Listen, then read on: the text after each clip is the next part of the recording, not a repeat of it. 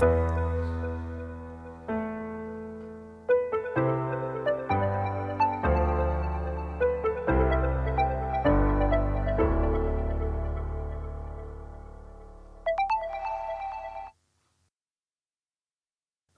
bij deze podcast. Vandaag begin ik met een quote. Verantwoordelijkheid op je nemen is de eerste stap op weg naar vrijheid. Ben je net zo ambitieus met je kinderen als met je werk? Wil je net zoveel leren en investeren in je kinderen als in je werk? Uit onderzoek van de Universiteit van Amsterdam en Radboud Universiteit bleek recentelijk dat tijdens de crisis meer vaders zijn gaan zorgen. Alleen dat stijging niet is doorgezet. Het aandeel van vaders met meer zorgtaken is nu circa een vijfde. En de crisis heeft dus voor een impuls gezorgd. Nou, welke keuze je ook maakt, of je nu veel zorgtaken of weinig op je neemt, het belangrijkste is, in mijn visie, is dat als je er bent, dat je dan ook echt bent. Dat je echt aanwezig bent. En daar wil ik het vandaag in deze podcast ook met je over hebben. In dat verlengde ook over de afwezige vader. Mede geïnspireerd door het boek van Guy Cournot, Afwezige vaders en verloren zonen. Hij vertelt daarin over de relatie met zijn vader. En ik herken daar delen van. Als ik terugkijk op de relatie met mijn vader, dan herinner ik me vooral de weekenden en de vakanties. En mijn vader werkte hard, lange dagen, met, ook met reizen. En na het eten werkte hij bepaalde ja, periodes in zijn leven ook nog. En met name in die weekend, in vakantie, dan hoopte ik dat ik contact met hem kon krijgen. Dat ik met hem in gesprek zou kunnen raken. Of dat hij me iets zou vragen bijvoorbeeld. Of dat hij me iets zou vertellen over zijn werk of wat hem bezig hield. Maakt me niet uit. Of dat hij iets met me wilde gaan doen. bijvoorbeeld voetballen. Ik had in elk geval behoefte aan zijn aandacht en zijn erkenning. Het is niet dat hij dat niet heeft gedaan, alleen ik had dus een meer behoefte daaraan. Ik heb al een bepaalde afstand ervaren tussen mijn vader en, mij. Nou, effect op mij is dat ik snel verantwoordelijkheid ging nemen en me ging gedragen als volwassene. En op momenten dat er discussie was, dan liet hij weinig ruimte. Ik ervaarde dan dat mijn mening niet belangrijk was en het keerpunt kwam toen ik fysiek sterker werd dan hem. Dus in de puberteit. Vanaf dat moment trok hij zich terug als er een discussie was. En het effect mij was dat ik een man in huis werd. En tegelijkertijd nog meer afstand ervaarde met mijn vader. Nou, na een periode, eigenlijk op latere leeftijd, werd hij milder en ik wijzer. En daardoor kwamen we weer meer in contact. En mijn vader is inmiddels 17 jaar overleden. En ik hou van mijn vader. Alleen, ik wist niet altijd hoe ik de afstand tussen ons kon verkleinen. Onze vaders vluchten naar de bossen, de cafés, naar hun werk, sport en hobby's. En als ze wel thuis zijn, dan vinden ze een toevlucht bij hun auto's, kranten, laptop en televisieprogramma's. Uit cijfers blijkt dat in de Verenigde Staten leeft 1 op de 5 kinderen in een vaderloos gezin. 1 op de 4 kinderen leeft in een eenoudergezin. En bij 90% van deze gezinnen is die eenouder een vrouw. Nou, zo gaan die cijfers door. En in Nederland zal het niet heel veel anders zijn, schat ik zo in. Maar kijken naar de, de term afwezige vaders, kan je dat in de breedste zin van het woord nemen. Het verwijst zowel naar de psychologische als de fysieke afwezigheid van vaders en het duidt op de mentale en emotionele afwezigheid. Het slaat ook op die vaders dus die fysiek wel aanwezig zijn, alleen zich gedragen op manieren die onaanvaardbaar zijn. Bijvoorbeeld autoritaire vaders die onderdrukken of alcoholverslaafde vaders die vanuit emotionele instabiliteit hun kinderen gevangen houden in een permanente staat van onzekerheid. En zo heb ik een coachie die hoorde aan de klap van de deur hoe zijn vader erbij stond, of hij dronken was of niet. Nou, ik zie vaak dat vaders klaarstaan voor hun kinderen en hun kinderen ook op nummer 1 hebben staan als iets urgents is. Alleen dat ze hun kinderen niet bewust meenemen in de weekplanning op zondagavond. En voorbij het praktische. Maar zeker niet evenveel investeren in de relatie om te groeien en te leren. Terwijl ze wel zeggen dat hun kind het meest belangrijkste voor hen is. Dat is raar toch? Ik denk dat daar een bepaalde gewoonte in zit. Hè, dus ook hoe we zijn opgevoed. En dat het aan het shiften is. Ik vind een hele mooie positieve ontwikkeling. En valt gewoon nog winst te behalen. Inmiddels weet ik uit eigen ervaring, maar ook van de moeders die meedoen aan de training, is dat zij vaak de gaten wel dichtlopen, wat vaders laten vallen. En dus zonder te generaliseren, want dit geldt zeker niet voor alle vaders. Ik ben ook positief dus over de ontwikkeling die gaande zijn. Alleen de cijfers laten helaas nog duidelijk zien dat er gemis is van vaders in de opvoeding. En zeker in het geval van een scheiding. dus in het begin dan is het nog, uh, ja, in het weekend gaan we langs papa. En op een gegeven moment kan dat dus uitlopen naar één keer in de twee weken of één keer in de drie weken. Dat hoor ik wel eens terug. Nou, uit een Amerikaans onderzoek blijkt dat de gemiddelde vader 9 minuten per dag besteedt aan zijn kinderen. En ook dat zal in Europa niet heel veel meer zijn. En dat is gewoon te weinig. En toen ik dat hoorde, schrok ik, 9 minuten is wel heel weinig. En toen ging ik terugkijken naar een periode in mijn leven waar ik heel druk aan het werk was. Toen dacht ik, nou, ja, soms kwam ik, uh, als de kinderen al sliepen, kwam ik pas thuis. En in het weekend was ik ook druk. Toen dacht ik, nou, daar, zit nog wel, uh, daar zit nog wel wat in. En in dit geval bedoel ik daarmee herkenning. Nou, vorig weekend heb ik het boek The Miracle Morning van Hal Elrod weer eens bijgepakt. Nou, hij heeft het over zes gewoontes om je leven succesvoller te maken. Ik geloof in zijn aanpak en heb ook een vergelijkbare ochtendroutine, want daar gaat het over in dat boek. Kortom, een aanrader ook om te lezen. Nou, een van de dingen die hij zegt, is dat in onze maatschappij 95% van alle mensen met minder genoegen neemt in hun leven. En hij nodigt je eigenlijk uit om de middelmatigheid te overwinnen en een leven te leiden naar je volle potentie. Nou, mooi, ook herkenbaar. Het blijkt dat veel mensen veel meer zouden willen en vaak ja, met spijt terugkijken op hun leven. En hoe je dat kan zien is dat je dus veel meer wil op meerdere gebieden in je leven. Dus wellicht wil je meer op financiën, gezondheid, relaties, de relatie met je partner. Maar dus ook in je vaderschap. Ik ben benieuwd, welk cijfer geef je je vaderschap nu? Dat kan een heel mooi vertrekpunt zijn. Je zegt, hé, hey, welk cijfer geef ik mezelf nu en waar wil ik staan over een jaar? En sluit het aan bij de 9 minuten vader. Of ga je de vader zijn die je wil zijn? En van mijn part is het 9 minuten, maar dan ben je wel volledig aanwezig.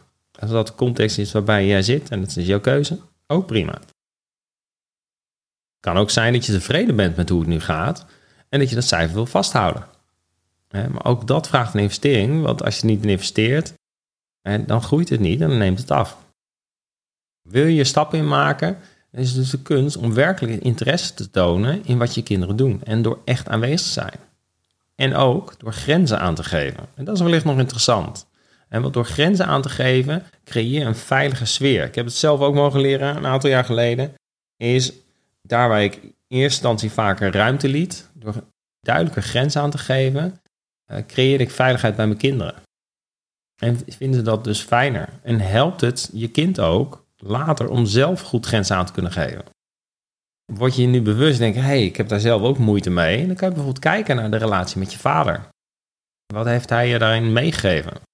Dit is een systemische kijk. Het helpt dus niet om als vader beslissingen op te leggen en ondertussen je achter je partner te verschuilen onder het mom, mama lost het wel op. Als vader mag je je sterke en je zwakke kanten eerlijk tonen aan je kinderen. En stap nou niet in de valkuil door je ontwijkend of erger autoritair op te stellen. Het helpt dus door eerlijk te zijn over dingen die ook niet goed gaan, die niet perfect zijn. Hierdoor krijgen je kinderen ook een realistisch beeld van de wereld en ervaren ze dus ook veel meer druk om perfect te zijn. En elke keer als ik dat doe, dan voel ik ook een aantrekkende kracht bij mijn kinderen. Dan zijn ze geïnteresseerd. Oké, pap, vertel eens, en hoe zit het dan? Hoe gaat het dan met je? En dan, willen ze het ook weten.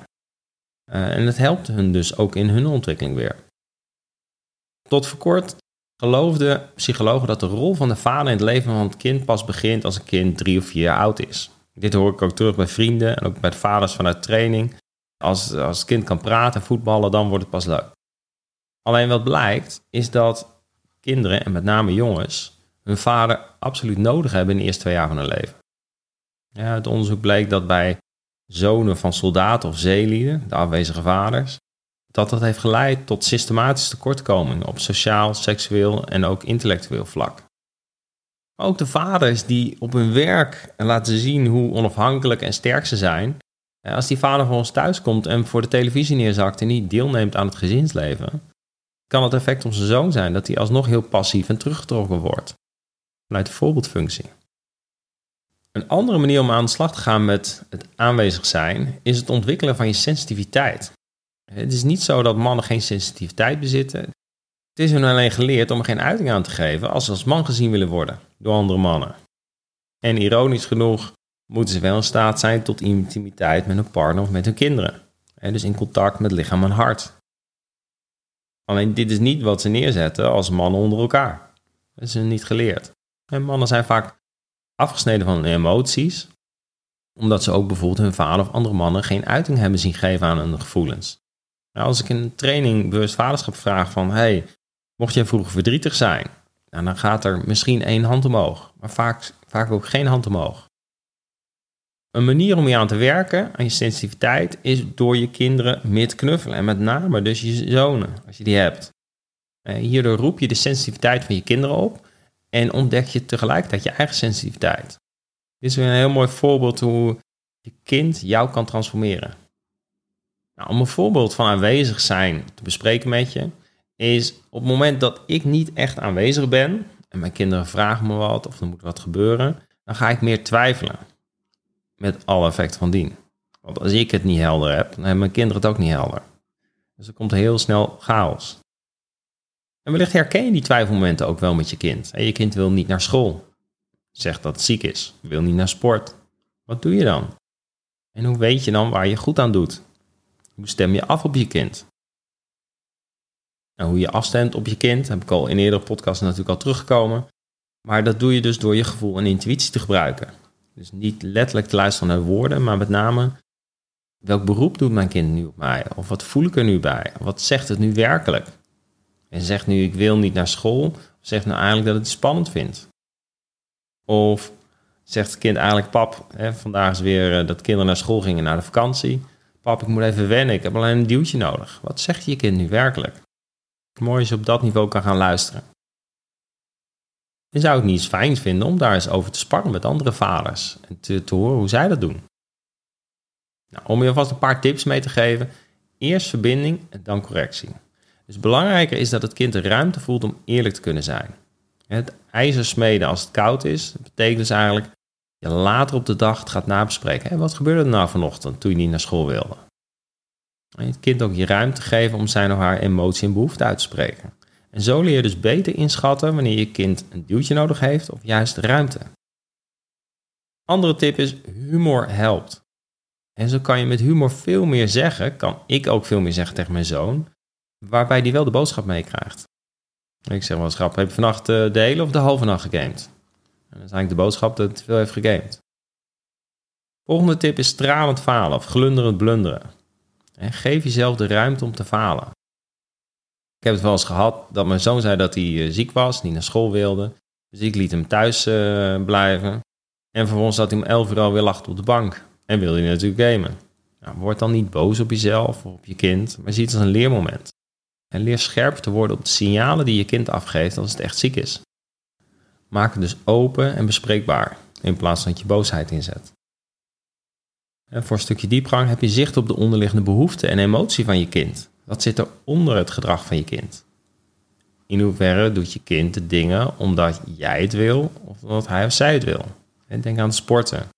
Sommige kinderen drie sporten doen. En dan vraag ik altijd over wie gaat dat? Behoefte van het kind of behoefte van de ouder? Wil de ouder een goede ouder zijn? Of wil het kind daadwerkelijk drie sporten doen?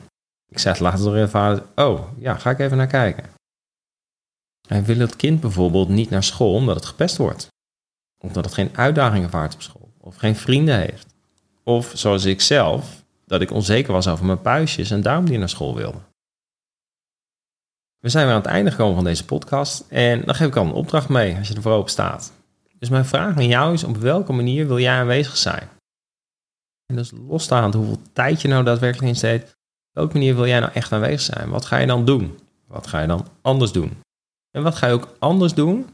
Tweede vraag, in twijfelmomenten.